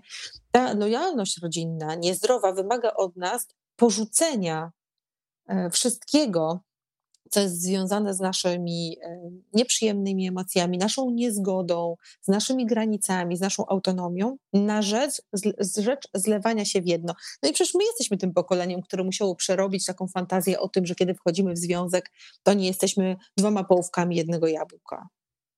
I my tą lekcję teraz próbujemy odrabiać, bo to jest taka lekcja pochodząca właśnie z, tego, z tej lojalności rodzinnej, niezdrowo pojmowanej. I rzeczywiście w gabinecie terapeutycznym jest tak, że ludzie wiesz, kiedy mówią coś takiego, co czują, że narusza trochę tych rodziców, ten ich święty obraz matki i ojca, to często kulą się e, w, taki, w, taki, w takim przestrachu dziecka. Często czują głębokie zawstydzenie tym, że pozwolili sobie e, powiedzieć coś takiego, wypowiedzieć to na głos, sprzeniewierzyć się temu. I ten wstyd, bo wstyd jest taką emocją, która jest związana z oceną siebie, to nam pokazuje, że w niezdrowym systemie rodzinnym nas ktoś nauczył, że jeżeli e, pozwalasz sobie na przekroczenie tych hermetycznych granic rodziny, to jesteś złym człowiekiem. To jest aż tak głęboko. To nie zasługujesz na miłość, nie zasługujesz na szacunek, nie zasługujesz na, na wsparcie nikogo. I ten przestrach, to skulenie, to ściszanie głosu jest takie najbardziej, takim najbardziej charakterystycznym momentem, w którym ja wiem, że dzieje się coś bardzo ważnego z ludźmi, którzy pozwalają sobie dorosłym głosem e, mówić uczciwie o tym, czego doświadczyli w rodzinie. I e, sprawdzają w tym przestrachu, jaki cios na nich spadnie. Wiesz, o jakich ciosach myślę? Myślę o, o po prostu przemocy fizycznej i, emocjo- i przemocy psychicznej, która była jedną z form właśnie zawstydzania i wywoływania w nas tego przestrachu. Bardzo duża część współczesnych 30, 40, 50, 60-latków, nawet w relacji z terapeutą, kuli się w przestrachu przed ciosem, który ma paść wtedy, kiedy pozwalasz sobie na autonomię. Bardzo mocne jest to, co powiedziałaś, aż, aż mi właśnie przeszły ciarki po ciele, bo, bo to pokazuje też, jak e, to jest też niezwykłe, że ty z boku możesz to zobaczyć, a osoby, które mhm. często mówią, pewnie nawet nie czują tego, że, że to skulenie aż e, występuje. Mm, to ja teraz e, wywołam ten wątek wewnętrznego dziecka i zdrowego dorosłego. E, poczułam się wręcz wywołana, wiesz co, do tablicy, e, w takim sensie, że ja dość często, nawet zdarzyło mi się tu nie raz, nie dwa mówić o tym, że ja się czuję jak takie dziecko w dorosłym opakowaniu. Oczywiście też możemy mówić o definicji, co ja akurat pod tym rozumiem, ale bardzo Wam dziękuję za rozmowę z Tomaszem Sobierajskim. E, ten rozdział jest zatytułowany, już Państwu przytaczę, żeby tutaj nie przekręcić, Zdziecinienie i droga ku dojrzałości. E, zaczyna się od takiego zdania. Idea wewnętrznego dziecka zrobiła tyle samo dobrego, co złego. Jednym z najważniejszych efektów pracy z tą koncepcją jest nasz zwrot ku historii dzieciństwa i zainteresowanie potrzebami dziecka. Dzięki wewnętrznemu dziecku możemy lepiej zrozumieć dorosłego, którym jesteśmy. Niestety, część z nas, skupiając się na wewnętrznym dziecku, zapomina o zdrowym dorosłym, który szuka dojrzałości w miejsce dziecinnych reakcji. E, I tutaj pozdrawiamy też Tomka Sobierajskiego. Mamy okazję się znać, więc mogę tak powiedzieć wprost. Pana profesora, rzecz jasna, tutaj naukowo też oddajmy. Sprawiedliwość socjologa, wakcynologa społecznego, metodologa, badacza socjomedycznego, który w bardzo ciekawy sposób pokazuje na przykład na świecie polityki, że to nasze zdziecinnienie jest naprawdę bardzo daleko e, posunięte. On nawet używa takiego mocnego sformułowania, że to jest taki społeczny nowotwór zżerający nas od środka. No i prosty przykład. W wyborach parlamentarnych 4 na 10 osób, a w wyborach samorządowych nawet co druga osoba rezygnuje z prawa do głosowania, wybiera wyjazd, czas przed telewizorem, zabawę zamiast odpowiedzialności zachowują się jak dzieci. Za dzieci decydują dorośli, w wyborach też za nich ktoś zdecyduje. A potem jest też wspaniały wątek dotyczący kampanii wyborczych i mówi wprost Tomasz Sobierajski, że w tej chwili partie czy kandydaci partyjni nawet nie udają, że mają jakikolwiek program. Oni wiedzą, że mają do czynienia z ogromną rzeszą zdziecinniałych dorosłych, którzy potrzebują nierealnych planów, lecz bajek, więc opowiada się im bajki. E, mówi mhm. też o tym, jak wygląda debata publiczna, gdzie nasi politycy potrafią się na siebie obrażać. No i nagle faktycznie mam wrażenie, że ktoś mi unaocznił, jak łatwo wyjść znowu do piaskownicy i na podwórko, no a z tego to nic dobrego nie wyjdzie. Więc y, wy się od razu spotkaliście. Zresztą twój podcast Madame Monday pokazuje o tym, jak żyć po dorosłemu mhm. i też bardzo często podkreślać, czym się różni dorosłość od dojrzałości. To może ten wątek teraz cię poproszę. Tak, tak. Czasem wydaje nam się, że wystarczy być dorosłym i że to jest tożsame z, z dojrzałością, a dojrzałość jest zupełnie inną kwestią. Dojrzałość, może zacznijmy od tego, że dziecko ma niedojrzałe, czyli jeszcze takie nie w pełni uformowane e, części swojej osobowości. Tak? Czyli można powiedzieć, że ta osobowość dopiero dokonuje ekspresji, ona się rozwija, ona dopiero nam się pokaże w pełni wtedy, kiedy osiągniemy tą dojrzałość. I jakimś sposobem my uwierzyliśmy, że to właśnie wtedy jesteśmy najbardziej autentyczni. Czyli to właśnie w dzieciństwie ja najbardziej autentycznie się śmiałam, albo to właśnie w dzieciństwie ja byłam taką prawdziwą sobą. Gdzieś po drodze zaczęliśmy wierzyć, że dzieciństwo to jest to miejsce, gdzie te wszystkie reakcje były takie najbardziej czyste. Teraz używam tych różnych kolokwializmów, których używamy. I że dorosłość jest e, zbudowana, bo nie chcę jeszcze używać słowa dojrzałość, z takich mask, które my zakładamy i które hamują naszą autonomię i naszą wolność. I teraz pamiętajmy, że prawdziwa wolność jest wtedy, kiedy ja mogę wybierać, jak chcę reagować. Ja mogę wybierać, kiedy, jak chcę reagować, mogę wybierać, jak chcę żyć, mogę wybierać, jakimi wartościami chcę się kierować, dopiero kiedy mój układ nerwowy jest dojrzały. Czyli dziecko nie może tego robić, dlatego dziecko jest impulsywne, dlatego dziecko jest niecierpliwe, dlatego dziecko jest egocentryczne, dlatego dziecko, u dziecku trudno dostrzec innych ludzi, dlatego dziecko chce naraz wszystko i tu i teraz i natychmiast i jeszcze atencję na to. I, I nie ma może... ochoty się dzielić na przykład, nie będzie walczyć swoje. Tak, nie ma ochoty się dzielić. I oczywiście ten stan był bardzo przyjemny, bo impulsywność jest przyjemna. Kto, kto impulsywnie czasem zjada różne rzeczy albo e, bawi się, ten wie. Natomiast e, nie ma to nic wspólnego z dojrzałością. I czasem zdarza się, że my dorastamy, czyli nasza biologia dorasta, ale te nasze niedojrzałe formy, te dziecięce formy reagowania na świat, w którym my nie uwzględniamy innych ludzi, w którym my nie wiemy, jakimi wartościami chcemy się kierować. To jest relatywne. W zależności od tego, co nam pasuje i co jest zgodne z naszymi e, celami i planami, takie wartości wydają nam się zasadne, w których my nie mamy tej swojej wewnętrznej autonomii, czyli takiej mapy świata, którą my się kierujemy, tylko e, ciągle poszukujemy cudzych map świata, które mogą nam pozwolić zrozumieć tą rzeczywistość i decydować. Czyli trochę jesteśmy jak chorągiewka. Kiedy my nie mamy tej swojej otwartości na innych, bo nie dostrzegamy innych, bo cały czas nam się wydaje, że ja jest najważniejsze, jesteśmy temu swojemu ja podporządkowani i w których my nie mamy właściwej samoregulacji, czyli wydaje nam się, że jeżeli czuję, to natychmiast e, e, to jest wystarczający powód do tego, żeby to pokazać i po różne rzeczy e, sięgnąć. Taką jeszcze ważną częścią dojrzałości, poza tym otwartością na innych, poza tolerancją, poza zrozumieniem, że każdy człowiek ma swoją własną historię, poza odróżnieniem, czym jest szacunek od pogardy, to się wydaje dość absurdalne, ale jest w nas bardzo dużo pogardy, z której nie zdajemy sobie sprawy. E, kiedy, e, wiesz, rozstrzygamy to w bierny, agresywny sposób, czyli dojrzałość pojawia się wtedy, kiedy my razem z tą dorosłością cielesną jesteśmy w stanie wprowadzić w życie te jakości, które można wypracować tylko wtedy, kiedy ma się już prawidłowo ukształtowaną osobowość, układ nerwowy i tę tą odpowiednią wiedzę do tego, żeby móc decydować. Dziecko nie może tego zrobić, taka jest rola dziecka, ono ma być dziecinne i w tej, tej dziecinności ma zdobywać tę wiedzę, ma się uczyć tego swojego układu nerwowego, ma testować jak to jest i ma być skoncentrowane na sobie, żeby siebie poznać. My, dojrzali ludzie, dorośli ludzie, mamy zupełnie inne zadania. Naszym zadaniem jest już kierować się swoim własnym zdaniem, ale potrafić odsunąć się od siebie, żeby zobaczyć błędy we własnym postrzeganiu, czyli obiektywizować siebie. Naszym zadaniem osób dojrzałych jest dostrzec, że nie ja, ale my, i że są inni ludzie, że są równie ważni co my. Naszym zadaniem jest dostrzec, że e, prawdziwa wolność polega na tym, że ja mogę wybrać, jak chcę się zachować, a nie, że zachowuję się tak, jak mam ochotę. To jest ogromna różnica. I kiedy pytasz mnie, e, jaka jest różnica między dorosłością a dojrzałością, to dla mnie to jest diametralna różnica, ponieważ dorosłość daje nam pewne przywileje dorosłości, z których my lubimy e, korzystać, e, ale dopiero dojrzałość uczy nas, jak z tych przywilejów możemy korzystać mądrze, bo dojrzałość to jest mądrość.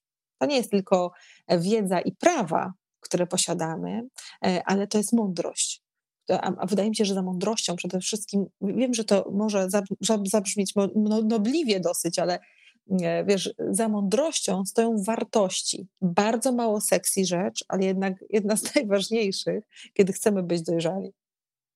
Jest też takie pytanie, które powiązało mi się z takim wątkiem, który też zaznaczyłam w książce, bo wiele osób o nim wspomina.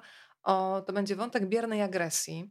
Jak ją mhm. rozpoznawać i jak reagować? Bo tutaj pani Kasia mm, pisze coś takiego. A co kiedy rodzic nigdy mm, nim nie umiał być, a dziś nadal oczekuje, że będziemy rozwiązywać problemy, gasić pożary i nie rozumie, że wyszliśmy poharatani i strasznie zmęczeni z tego dzieciństwa.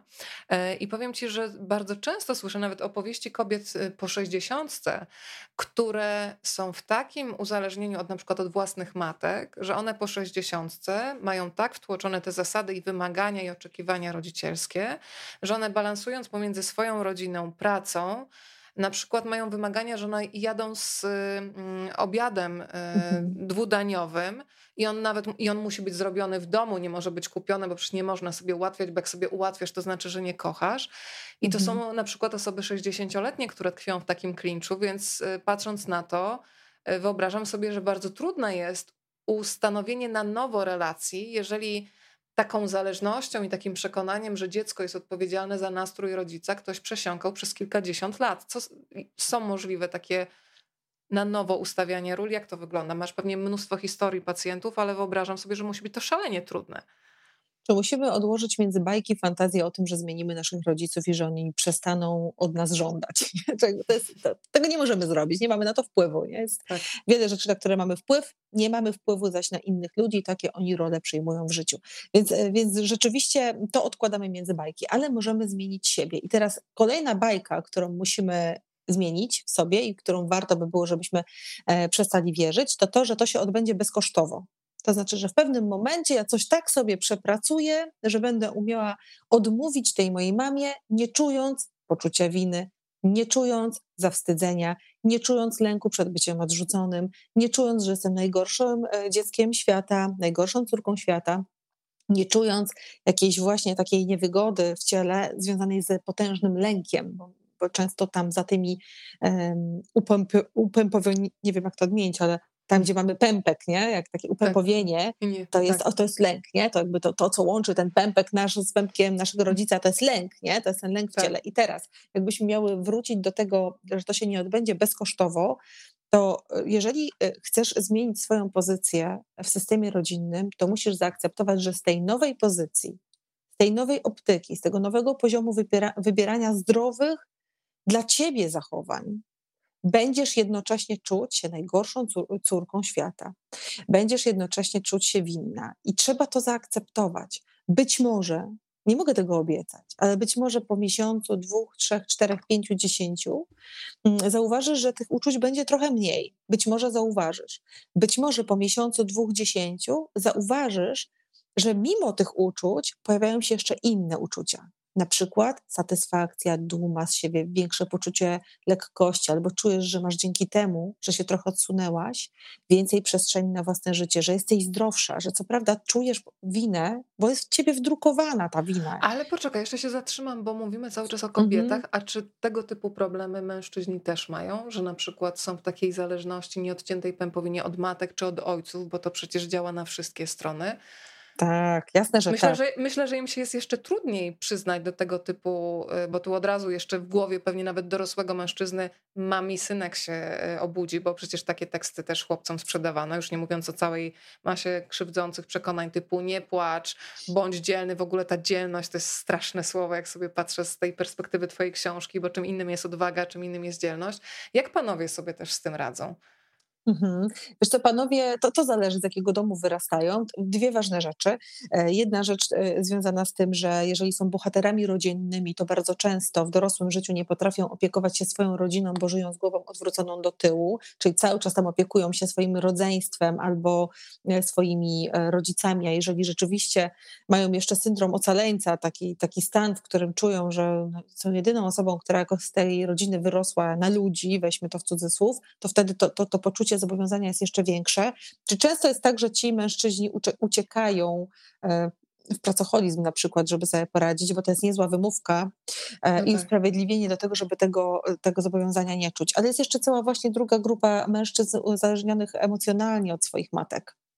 E, I, I to uzależnienie emocjonalne potrafi być ogro, ogromne e, i oni często nie potrafią podjąć roli e, męża, nie wiedzą na czym polega rola męża, bo rola męża trochę wyklucza rolę partnera swojej matki. I często są to mężczyźni, którzy byli wychowywani przez kobiety, które miały albo nieudany związek, albo ten mężczyzna był nieobecny.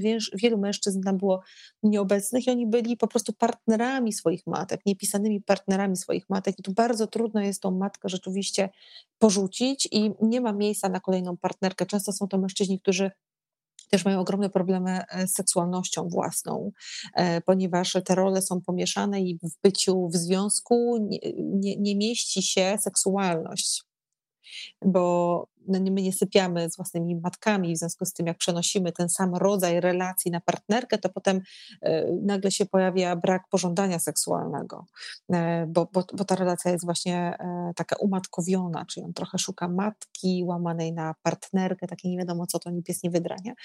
I rzeczywiście tam w tej, seksualności, tam tej seksualności nie ma i trudno ją, trudno ją znaleźć, więc, więc mężczyźni też mają ogromne problemy, ale często mężczyźni czują taką na przykład odpowiedzialność finansową za swoich rodziców, rodziców i to jest coś, co, e, co próbują na różne sposoby dzierżyć. Przy czym jest większe przyzwolenie społeczne na to, aby mężczyzna opuścił swoich rodziców, a nawet taka aprobata społeczna, polegająca na tym, że e, właśnie nie bądź mami synkiem, że ty teraz musisz wybrać. My mówimy to głośno. E, myślę, że po prostu nie było innego wyjścia i, i kobiety musiały tych swoich mężczyzn trochę wyrywać do tego, żeby oni pozostawali jednak zobowiązani w tej roli do, do, do, ojca, do roli ojca i męża.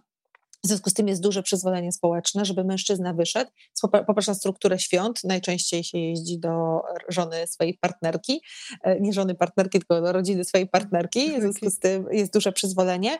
Natomiast w drugą stronę e, wobec kobiet tego przyzwolenia nie ma. Mhm. E, czyli kobiety mają większą taką presję związaną z podejmowaniem roli opiekunki wobec swoich, e, swoich rodziców. Mamy starzejące się społeczeństwo, niewydolny system opieki nad osobami e, starszymi. Wiemy, jak to jest, więc myślę sobie, że też te różne mm, przekonania społeczne, one są funkcjonalne na poziomie społeczeństwa i dlatego no, dla, dla, dla grupy to jest korzystne, dla jednostki niekoniecznie.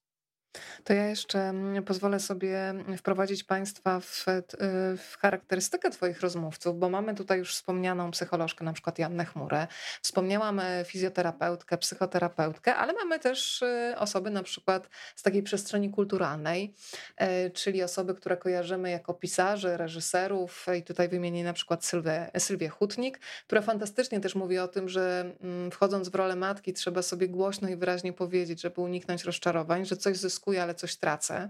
E, I naprawdę nie da się mieć jednego i drugiego. I im szybciej to zrozumiemy, to może to zderzenie z rzeczywistością będzie przynajmniej trochę mniej bolesne. Jest fantastyczne spotkanie z Olą Zbroją. Mm, tutaj rozmawialiśmy z Olą Zbroją przy okazji jej książki Mireczek, która powoduje, że człowiek się rozpada na kawałki, na nowo składa. I dla mnie przede wszystkim historia Oli to jest taka opowieść o odzyskiwaniu prawa do własnego cierpienia takiej mhm. przestrzeni, e, ale mamy też na przykład reżysera mm, w rozdziale Miłość jest najważniejsza i bardzo się cieszę, że też to sformułowanie pada z ust mężczyzny. E, Konrad Aksinowicz i od razu chyba możemy, Janno, polecić e, film Konrada, bo w tej historii, którą opowiada, myślę, że odnajdzie się bardzo wiele osób w Polsce. Zdecydowanie polecam, polecam Państwu film Powrót do tamtych dni, film o rodzinie z uzależnionym ojcem, film o syndromie DDA, film o tym, w jaki sposób dziecko radzi sobie z, z taką sytuacją, jak narasta napięcie. Jeżeli chcecie poczuć się przez moment jak człowiek, który wychowuje się w takim środowisku, to po prostu obejrzyjcie ten film. Ten film jest wyśmienicie nakręcony, bo oddaje, tam są takie bardzo długie ujęcia, o których Konrad często opowiada, oddaje naturę tego nieustającego napięcia. Ten film rozwija się od takiego miejsca, w którym widzimy blokowisko i takie jakieś wspomnienia z przeszłości. Jest tak miło i przyjemnie, bo tata wraca z Ameryki z różnymi prezentami. Nie wiadomo, czy on był w Ameryce, czy po prostu miał ciąg alkoholowy, ale wraca, wraca i by, wraca z różnymi prezentami, a kończy się jak potężny horror, w którym widzimy ten proces e, narastającego napięcia, które się nie kończy. Konrad mi opowiadał, że ludzie, podchodzili do niego ludzie po, e, po projekcji tego filmu i mówili, że ten film jest nieznośny, jest nie do wytrzymania, że to są tortury dla widza. I bardzo mnie poruszyło, kiedy powiedział o tym, że skoro to jest tortura dla widza, który ogląda ten film przez godzinę z hakiem. I jest dorosłą jak, osobą, prawda? I jest dorosłą osobą, to jaka to jest tortura dla tego chłopca, który e, jest w tym przez lata? I to jest też pytanie, co e, osoby, które doświadczyły tego typu historii, e, co musiały zrobić ze swoimi uczuciami, żeby to przetrwać, właśnie nie czuć. I dlatego e, rozmowa z Konradem jest e, rozmową o tytule Miłość jest najważniejsza, bo droga w terapii często prowadzi do tego, żeby odmrozić się, otworzyć na uczucia z takim zaufaniem, że będę potrafiła znieść cierpienie, bo popatrz, jeżeli tego cierpienia jest bardzo dużo, to my się zamykamy na uczucia. Już wam to mówiłam, nie? Zamykamy się na uczucia. Tak. I teraz, żeby otworzyć się na uczucia, na miłość, na przyjaźń, na bliskość, na zaufanie, musimy też otworzyć się na zranienie.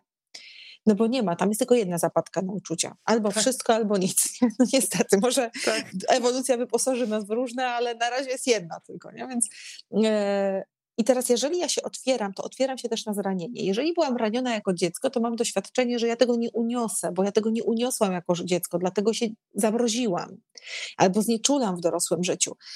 A, a, więc takie doświadczenie podpowiada mi, że ja sobie z tym nie poradzę. I dlatego duża część ludzi rezygnuje z miłości, przyjaźni, zaufania, bliskości, intymności z innymi, bo jest przekonana, że mm, muszą być zamknięci na emocje, bo nie dźwigną porzucenia. E, I miłość jest najważniejsza, to jest moment, w którym ja decyduję o tym, że to, to czucie dobra, czucie bliskości z innymi ludźmi jest warte tego cierpienia, to jest jedna rzecz, a druga rzecz, że już będę potrafiła je unieść. Umie, umiem unieść, umiem stanąć w swojej obronie, mam ku temu narzędzia. Jestem dorosła, przywilej dorosłości, możesz się obronić.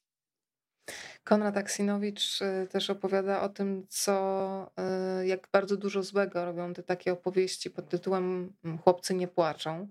On wprost, y, i bardzo dziękuję wszystkim Twoim rozmówcom za taką szczerość w takim otwarciu się, bo dzięki temu jest po prostu możliwa ta wspólnota doświadczeń. Mówię o tym, kiedy zmarła moja mama, właśnie przez takie przekonania trzymałem w sobie wiele bólu przez 7 miesięcy, próbując zupełnie nie czuć. To nie jest zdrowe, musimy wyrażać emocje, bo to przywraca nam możliwość e, swobodnego oddychania. A czymś, co też tak bardzo mocno do mnie trafiło, jest przywołanie filozofii Alfreda Adlera, czyli to, że nie trzeba zapominać o przeszłości, ale nie należy nią żyć. Teraz jest tak czyste i nieskalane, że naprawdę można zacząć na nowo. I jeżeli mówi to osoba, która ma tak trudne doświadczenia za sobą mhm. i jest w stanie to zdanie wypowiedzieć i potraktować jako prawdziwe, to ja temu zdaniu wierzę. E, co mhm. innego, gdyby ktoś opowiadał tak w ogóle gdzieś z góry, z katedry, nie mając takich doświadczeń i tutaj rzucał piękne słowa, ale właśnie to odsłonięcie się twoich rozmówców jest e, niezwykłe. Ja bym jeszcze chciała, żebyś powiedziała kilka słów o Agacie Litwińskiej, e, bo mhm. ona mi też uzmysłowiła, że faktycznie, kiedy mówimy o zdrowym jedzeniu, to zawsze z tyłu głowy, albo kiedy, tak jak wspomniałaś o tych detoksach, mamy to, ile ja zrzucę, albo jakiś projekt plaża się zaczyna w głowie, albo coś jeszcze. Ona pokazuje, że w ogóle kontakt z ciałem powinno się zacząć od szacunku do tego ciała, mhm. jakie mamy teraz, jak ono się będzie zmieniać. E, powiedzmy też fantastyczna postać, której wcześniej nie znałam, a teraz już e, przynajmniej mhm. tak obserwacyjnie będę kontynuować znajomość. Tak, Agata stworzyła taki program Ciałowanie, który natychmiast mnie ujął. E, to jest program, e, nie chcę cię Agata obrazić, fitnessowy, więc tak to nazwijmy, ale którego e, nie ma celów sylwetkowych, tak? Czyli jakby celem tego programu fitnessowego jest ukochanie tego swojego ciała, utulenie tego swojego ciała, ciałowanie, czyli bycie w tym ciele, na nowo czucie tego ciała. Bo rzeczywiście my robimy różne rzeczy, żeby tego ciała nie czuć i najczęściej sprowadzamy cele związane z aktywnością fizyczną i rekreacją do celów sylwetkowych. Czyli żeby mieć brazylijskie pośladki, albo żeby mieć kaloryfer na brzuchu, albo zrzucić jakieś określone e, kilogramy, czyli ciągle używamy ruchu do tego, żeby to ciało powściągać i na różne sposoby kontrolować, a jak już to robimy, to tracimy z tym ciałem kontakt, więc kupujemy te zegarki, które mówią nam, ile zrobiliśmy kroków i czy jesteśmy wystarczająco zmęczeni i jak spaliśmy, a potem kupujemy diety pudełkowe i pozwalamy komuś decydować o tym, na co mamy ochotę i co mamy jeść, ale my jesteśmy świetni w tym, żeby jeść jeść rzeczy, na które nie mamy ochoty, bo przecież takie było nasze dzieciństwo, nie? Że albo, tak, zjesz do końca, albo, albo, nie wyjdziesz. Tak, i ona też bardzo mi się podoba, że zwraca uwagę na to, że też bardzo często wybieramy te diety dlatego, żebyśmy mogli jeszcze mocniej, intensywniej pracować, żeby nie tracić tak. tego czasu na gotowanie, na spokój, żeby usiąść, żeby trochę się odprężyć przy gotowaniu na przykład, tylko dostajesz no i faktycznie możesz jeszcze więcej z tego swojego biednego ciała wycisnąć. A o tym nie myślałam tak. w taki sposób, a faktycznie no, jest to proste i oczywiste niby, ale dopiero jak ktoś mi to powie na głos, to myślę, bo też mam etap pudełkowych diet za sobą, że no, to nie było najmądrzejsze chyba. Mhm, ja myślę, że to w ogóle bardzo nas oddala od ciała, bo my się wtedy nie zadajemy sobie pytania o to, czego ja potrzebuję. Popatrz, że jest, jest, taki, jest taki pewien proces. E, najpierw pojawia się potrzeba, ta potrzeba generuje emocję, która nam podpowiada o tym, że ta potrzeba jest i jest, e, wymaga zaspokojenia, i my po tej emocji rozpoznajemy te potrzeby i mamy albo nie mamy jakiś repertuar na ich zaspokajanie. I my zupełnie zaburzamy ten proces. Stajemy się trochę jak niemowlęta. Niemowlęta są tylko napięciem. Są napięciem, one czują napięcie i ulgę. Tak? Jeszcze nie mają tak. E, świadomości swoich potrzeb, nie mają świadomości swoich emocji. Pojawia się jakiś rozsądny rodzic, który jest responsywny i uczy takie niemowlę, że że to napięcie, to popatrz, czasem ci się chce spać, czasem ci się chce jeść, czasem chcesz się przytulić. Więc ono odkrywa, że e, to jedno napięcie, ale ma, ma różne twarze, świadczy o różnych rzeczach. I w ten sposób uczy się emocji najpierw wewnętrznie, a potem jak kształtuje język, to uczy się zewnętrznie i dzięki temu może te emocje nazywać. I potem, dzięki temu, że nazywa te emocje, jest w stanie, pozdrawiam cię Agata też, ja e, również bardzo. tak, potem jest w stanie e, rozpoznawać te potrzeby, i uczy się, że na przykład jak chce mi się pić, to mogę iść do kuchni, nalać sobie wody i wypić tą wodę. I uczy się ogromnej sprawczości. I to jest cała, e, cała zabawa w samoregulację. Ktoś się pyta, jak to się dzieje, to tak to się dzieje. Od napięcia przez rozpoznanie potrzeby pragnienia, po pójście do kuchni napić się wody. Dlatego to jest takie ważne, żebyśmy za dzieci nie robili różnych rzeczy, które one, już same potrafią zrobić. A potem lądujemy sobie w dorosłym życiu i w ogóle nie, nie pytamy siebie o potrzeby, tylko robimy różne rzeczy, czyli zaczynamy od tyłu, tak? Zaspokajamy ten repertuar zachowań, czy wprowadzamy ten repertuar zachowań, bo moja rutyna mówi mi, że ja powinnam o tej godzinie zjeść to, a o tej godzinie zrobić to ze sobą, a potem się orientujemy, że kompletnie nie wiemy, czego potrzebujemy, kompletnie nie wiemy, co czujemy, że jesteśmy jednym wielkim chodzącym napięciem i dużo osób mnie o to pyta, wytłumacz mi, jak to jest możliwe, że ja Ćwiczę regularnie, wstaję regularnie, mam rutyny, dieta pudełkowa, suplementy, i jestem tak zestresowany, albo napięty, albo nieszczęśliwy, i nic mi się nie podoba. Jestem coraz bardziej napiętą, sfrustrowaną, poirytowaną osobą. I odpowiedź jest bardzo prosta. Zaczynasz od tyłu. Tak samo jak osoby uzależnione, one też zaczynają od tyłu. One odkrywają nagle, że wystarczy jeden kieliszek wina, żeby zaspokoić potrzeby wszystkich napięć e, i, i też tracą kontakt. To się nazywa nałogowa tak. regulacja uczuć sami ze sobą. Więc e, dziękuję Ci Agata za ten, e, za ten rozdział. Wiem, że tutaj jesteś. Y, bo też za ten program też i odwagę, która, która w tobie była do tego, żeby powiedzieć, ej, halo, ruch może być też dla osób, które niekoniecznie mieszczą się w kanonach, e, e, kanon, uznanych aktualnie kanonach e, piękna i, i można mieć parę kilogramów na plusie i ćwiczyć i być sportowcem. I mieć z tego radość. I mnie też bardzo poruszyła y, ta wasza rozmowa, kiedy to chyba właśnie z y, Agatą Litwińską rozmawiacie o tym y, i wróciły do mnie wspomnienia z lekcji WF-u, które powinny być przyjemnością, e, gdzie też człowiek był stygmatyzowany, że na przykład jak ty kozłujesz, jak ty na tego mhm. kozła skaczesz, dziecko, co ty robisz? I nagle czujesz, że ty nie potrafisz normalnie chodzić, no właśnie normalnie, że jest jakaś norma, a ty chodzisz nienormalnie. Znowu to zawstydzanie, gdzie masz krótkie spodenki, a na przykład możesz nie mieć ochotę y, występować w, w, krótkich spodenkach, szczególnie wskakując na tego kozła i wiadomo, jacy są rówieśnicy też. I sobie pomyślałam, ile znowu podczas takich zajęć, które powinny sprawiać przyjemność, znowu było zawstydzania i nic dziwnego, że potem można nagle nie do końca wiedzieć, dlaczego ma się niechęć do różnych zajęć sportowych, kiedy zamiast sprawiać ciału radość, to ciało jest oceniane. Eryk mhm. też zwrócił uwagę na ważną rzecz. Eryk, nie wiem, czy ty dzisiaj z Kapsztadu nas śledzisz. Jeżeli tak, to oczywiście niezależnie gdzie nas śledzisz, to cię pozdrawiamy. Ale to jeżeli z Kapsztadu, to, to daleką drogę miało mm, to pytanie i to doświadczenie do pokonania. E, Eryk pisze też o ważnej rzeczy. Prawda jest taka, że przeciążamy ciało. Kiedy je przeciążamy podczas ćwiczeń, to zwiększamy poziom stresu i wtedy efekt jest odwrotny. Na przykład tyjemy. Lepiej ćwiczyć z przyjemnością. Bardzo jest mi to bliskie, e, bo przyznam ci się, Joanna, że bardzo dużo czasu mi zajęło podczas biegania. Bieganie z przyjemnością, a nie bieganie na wyczyn. Bo mhm. kiedy wchodziłam w taki tryb wyczynu, to kolejny dzień ja muszę więcej kilometrów i bardzo często to się kończyło kontuzjami, zero przyjemności, a kiedy stwierdziłam, godzinę po prostu ruchu, czy ty to przebiegniesz, czy przespacerujesz, kompletnie inaczej to moje ciało i moja głowa zaczęła funkcjonować. Ola już napisała, że dzień zaczęła z tobą od podcastu Madame Monday, to zaczęłyśmy Ola bardzo podobnie, bo ja dzisiaj też słuchałam, a kończę złożeniem zamówienia na książkę. Dziękuję, przekazuję ci podziękowanie od razu. Mm, z Kapsztadu, Erek, już ustaliłyśmy jego lokalizację. To jeszcze mhm. Joanna, powoli zmierzając do brzegu, więc drodzy Państwo, jeżeli są pytania, to proszę je teraz wypuszczać do nas. Joanna Chmura też zwraca uwagę na bardzo ważną rzecz, która pokazuje, do czego nas y, prowadzi brak samodzielności w myśleniu.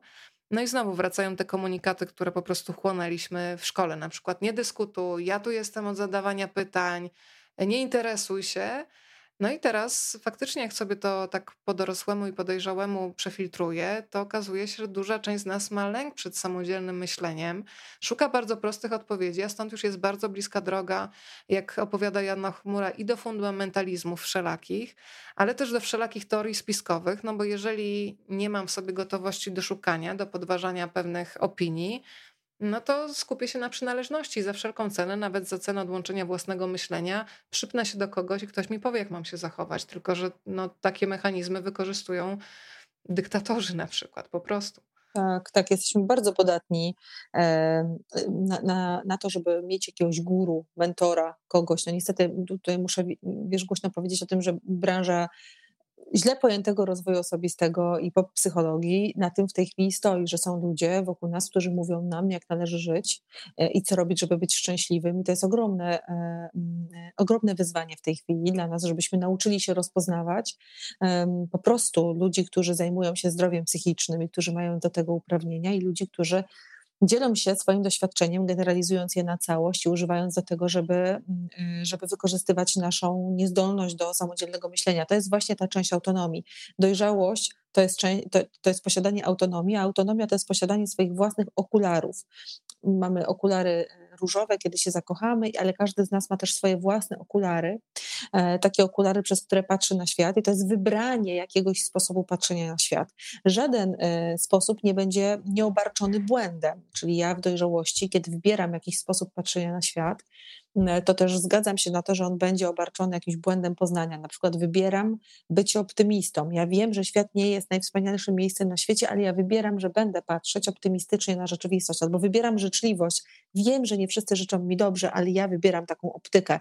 Będę starała się w ten sposób patrzeć. I dużo osób boi się dokonać takiego wyboru, bo po pierwsze uwierzyliśmy gdzieś, że że nie wolno się nigdy mylić i że trzeba wybrać zawsze te, to zdanie mieć, które jest najbardziej prawdziwe, najbardziej zbliżone do prawdy, a, a z drugiej strony wybranie optyki jest też zgodą na ponoszenie konsekwencji tego błędu poznania. To znaczy, że jeżeli ja wybiorę jakiś sposób myślenia o rzeczywistości, e, to też wybieram właśnie to, że ktoś może mnie oszukać, jeżeli będę życzliwa, ktoś może mnie źle potraktować.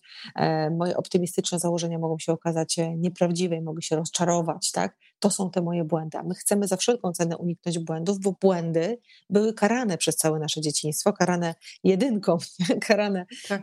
jakąś możliwością niezdania. Jeżeli źle zinterpretowałeś wiersz, no to, no to siadaj, to jedynka, no twoje własne, autonomiczne poglądy na temat e, literatury, którą czytasz, przyswajasz i właśnie o to dzielisz się swoją wykładnią i optyką, to nie było coś, co polska szkoła na, nagradzała. To nie jest coś, co my w tej chwili nagradzamy. Więc... Co poeta miał na myśli? Jest jedna wersja tak. możliwa. Więc jak, my mamy, więc jak my mamy myśleć? Ja chciałam jeszcze wrócić na sekundę tylko do tego, co powiedziałaś o tych e, rywalizacyjnych aspektach, tych takich, wiesz, wyczynowych, że stawiamy tak. sobie kolejne cele.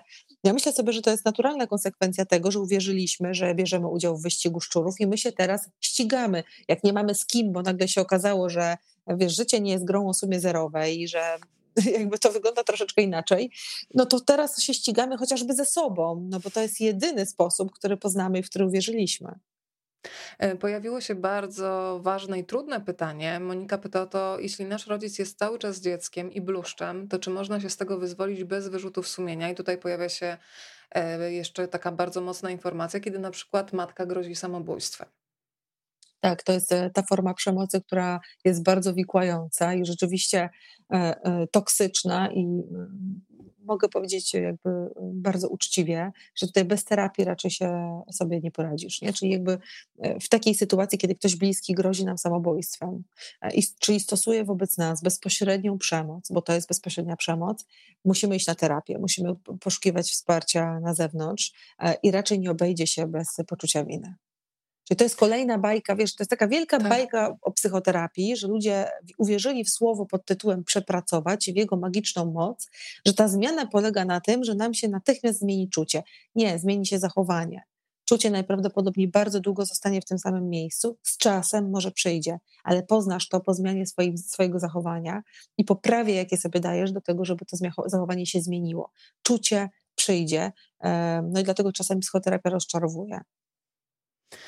Joanna Flis y, dzisiaj razem z Państwem. Y, drodzy Państwo, to jeszcze zmierzając y, do finału tego spotkania, chciałabym, żebyś jeszcze Joanna w kilku słowach przedstawiła, wprowadziła nas w tematy rozmów pozostałych rozmówców, którzy pojawiają się w tej książce.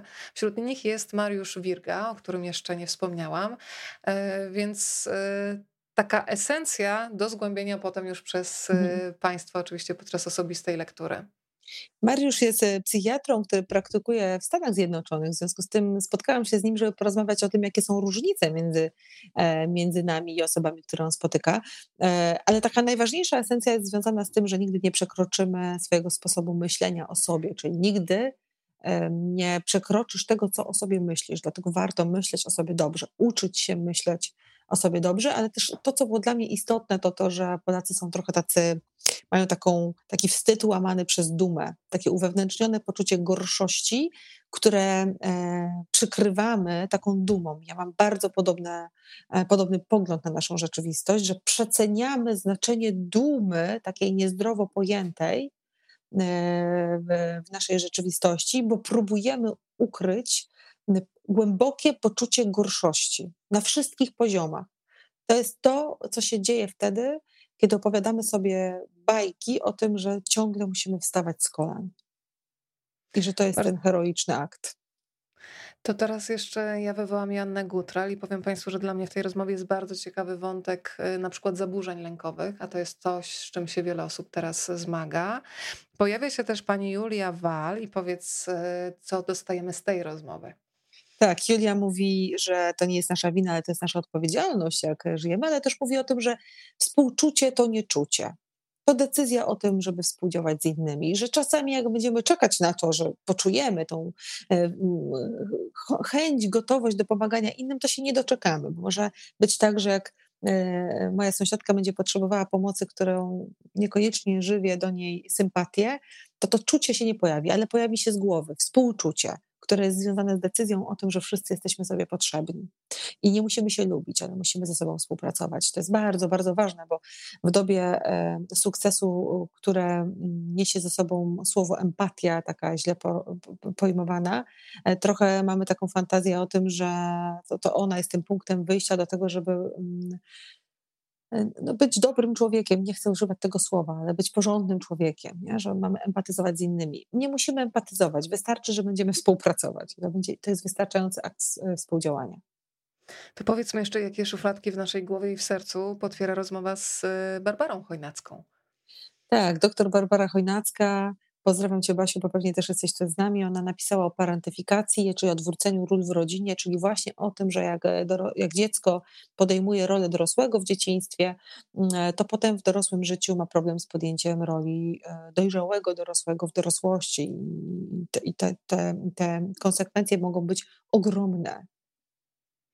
Płyną tutaj podziękowania za to, że wszystko zostało wypowiedziane. Tak, ja też mam takie poczucie, Joanno, że. Mm, właśnie pojawia się ten zdrowy dorosły, który, bo z jednej strony dzięki tej książce, tak jak wspomniałyśmy, obejmujemy to, to dziecko z przeszłości, dostrzegamy jego krzywdę, nie zaprzeczamy w końcu e, i, i cieszę się, że, że właśnie rozmówcy, ci, którzy wyszli już z tego dzieciństwa i stają się dojrzałymi, znaczy są dojrzałymi dorosłymi, e, potrafią to powiedzieć, nazwać, a potem przejąć odpowiedzialność już za własne życie. Patrzę jeszcze o kim dzisiaj nie wspomniałyśmy. E, mężczyźni niech się pojawią w tej opowieści. Ja wspomniałam Konrada Aksinowicza, ale pojawia się jeszcze trzech panów, oprócz wspomnianego już Tomka Sobierajskiego, Mikołaj Marcela, Marcin Ilski i Jakub Rubaj. Tak, i to jest taka podróż po, po opresyjnej szkole, czyli Mikołaj Marcela. E, to jest taka podróż po tym, że mężczyźni muszą wintegrować, może nie muszą, ale dobrze było, żeby wintegrowali różne części siebie i, i pozwoli sobie, pozwolili sobie być bardziej ludzcy, człowieczy. W dużym skrócie, że mężczyźni byli wychowywani do tego, żeby trzymać, żeby być silnym, żeby nie pokazywać e, słabości, żeby dźwigać cały ciężar rzeczywistości, żeby z gniewem obchodzić się w szczególny sposób, na przykład używając agresji i trochę Jakub pisze o tym, żeby że muszą mężczyźni w tej chwili wykonać ogromną pracę, często we wspólnotach mężczyzn, podobnie jak kobiety w kręgach kobiet, e, żeby uzmysłowić sobie e, tą różnorodność, która w nich jest i przywołać wszystkie te emocje do życia, powołać je na nowo do życia, które zostały, zostały wyparte.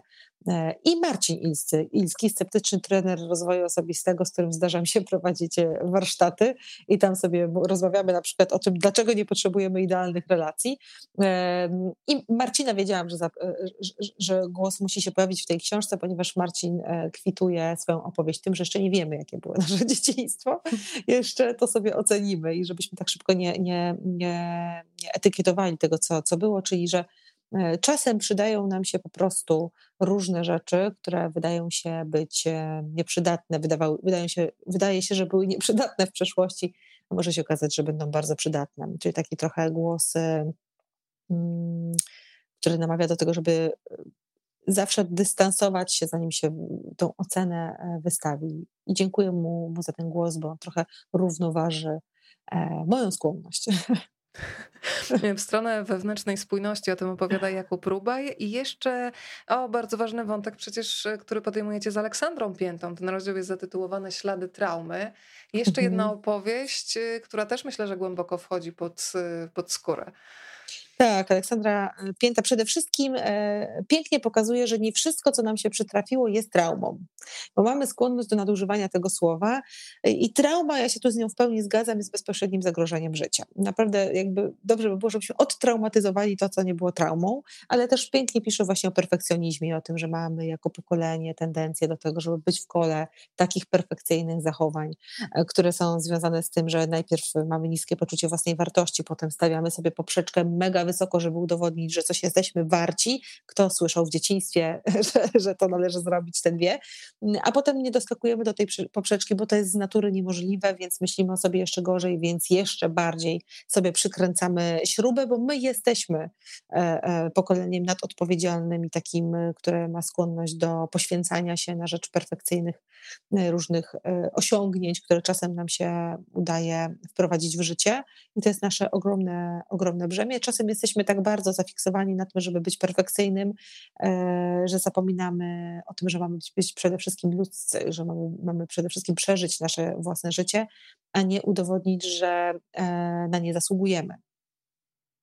Widzę, że Państwo tutaj dołączyli spóźnieni. E, usprawiedliwienia będę wypisywać spokojnie. Będzie można wrócić do tej rozmowy. Zostaje na YouTubie. Przy okazji bardzo Państwu dziękuję, bo dzisiaj przekroczyliśmy 16 tysięcy osób na YouTubie, 23 tysiące e, tutaj słuchających, oglądających profil Rozmawiam, bo lubię na Facebooku. Bardzo Państwu za, za tę uwagę i za zaufanie dziękuję.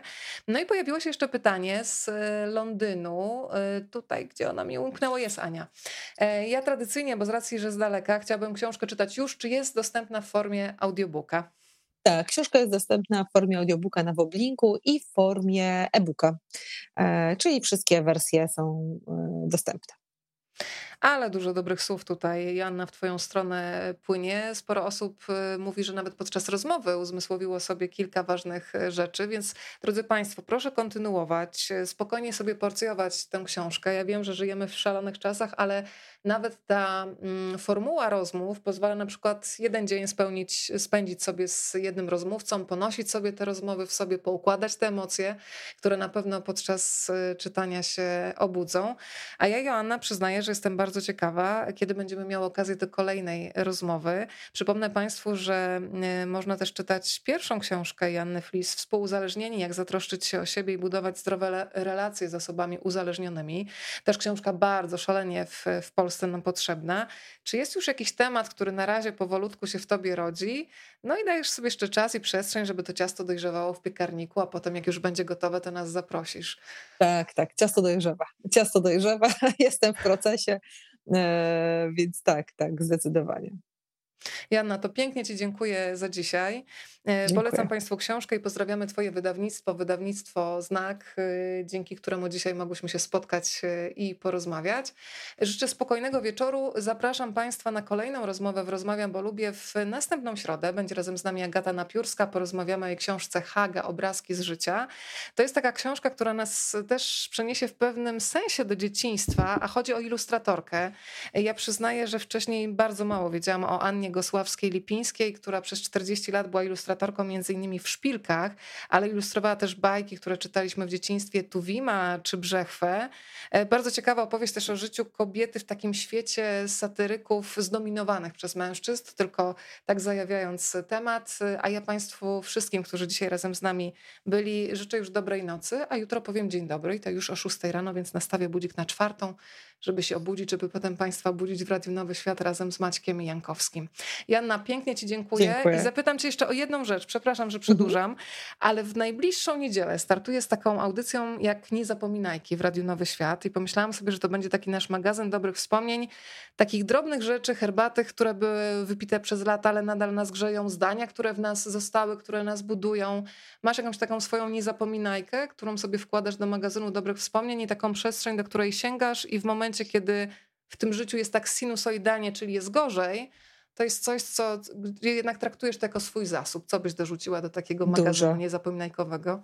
Dużo mam takich niezapominajek, ale chyba najbardziej e, wtedy, kiedy jest mi trudno, to przywołuję sobie wszystkie spacery w lesie, które uprawiam, bo jestem wielkim miłośnikiem lasu i rzeczywiście zapach lasu i ta przestrzeń lasu i dzieciństwo, które spędzałam na takiej górce, na której były drzewa, z którymi e, e, rozmawiałam i się przytulałam i nawet święta jednemu przynosiłam bombki. to jest ta moja niezapominajka, która jest ukryta w, w lesie, w zapachu i w tym wspomnieniu. Ale poczekaj, bo ja zobaczyłam ten obrazek. Ile miałaś wtedy lat, jak przynosiłaś drzewu bombkę na święta? Około sześciu. A co to było Sześciu, za drzewo? Pięciu. Pamiętasz gatunek? Jakaś sosna, bo jedna z, z, wielu, które tam rosły, więc miałam swoją ulubioną górkę, na którą chodziłam e, regularnie i tam były drzewa z górki, był widok na moje, e, na moje miasto i, i, i, i to, to jest takie, takie miejsce, moje takie miejsce mocy, mówiąc językiem Pauliny Młynarskiej, miejsce mocy, do którego lubię wracać we wspomnieniu i rzeczywiście na, na tym drzewie i przesiadywałam, i przytulałam się, i rozmawiałam, i bardzo personifikowałam e, i, i przynosiłam świąteczną bombkę, żeby nie było smutne. Warto pytać. Takie najdrobniejsze pytania czasami otwierają takie historie. Zapraszam cię 30 marca. W takim razie będzie Robert Rient, Wizje roślin, gdzie z ogromną czułością opowiada właśnie o gruszach, sosnach. Ja teraz się właśnie zanurzam w tym świecie roślinnym, więc e, przypomnę ci, e, bo Super. to piękna historia. Bombka dla drzewa. Drodzy Państwo, pięknej nocy, e, piękniejszego zakończenia dziękuję. sobie nie mogłam wymyślić. Janna Flis, bardzo Ci dziękuję i do zobaczenia. Dziękuję. Dziękuję, do zobaczenia.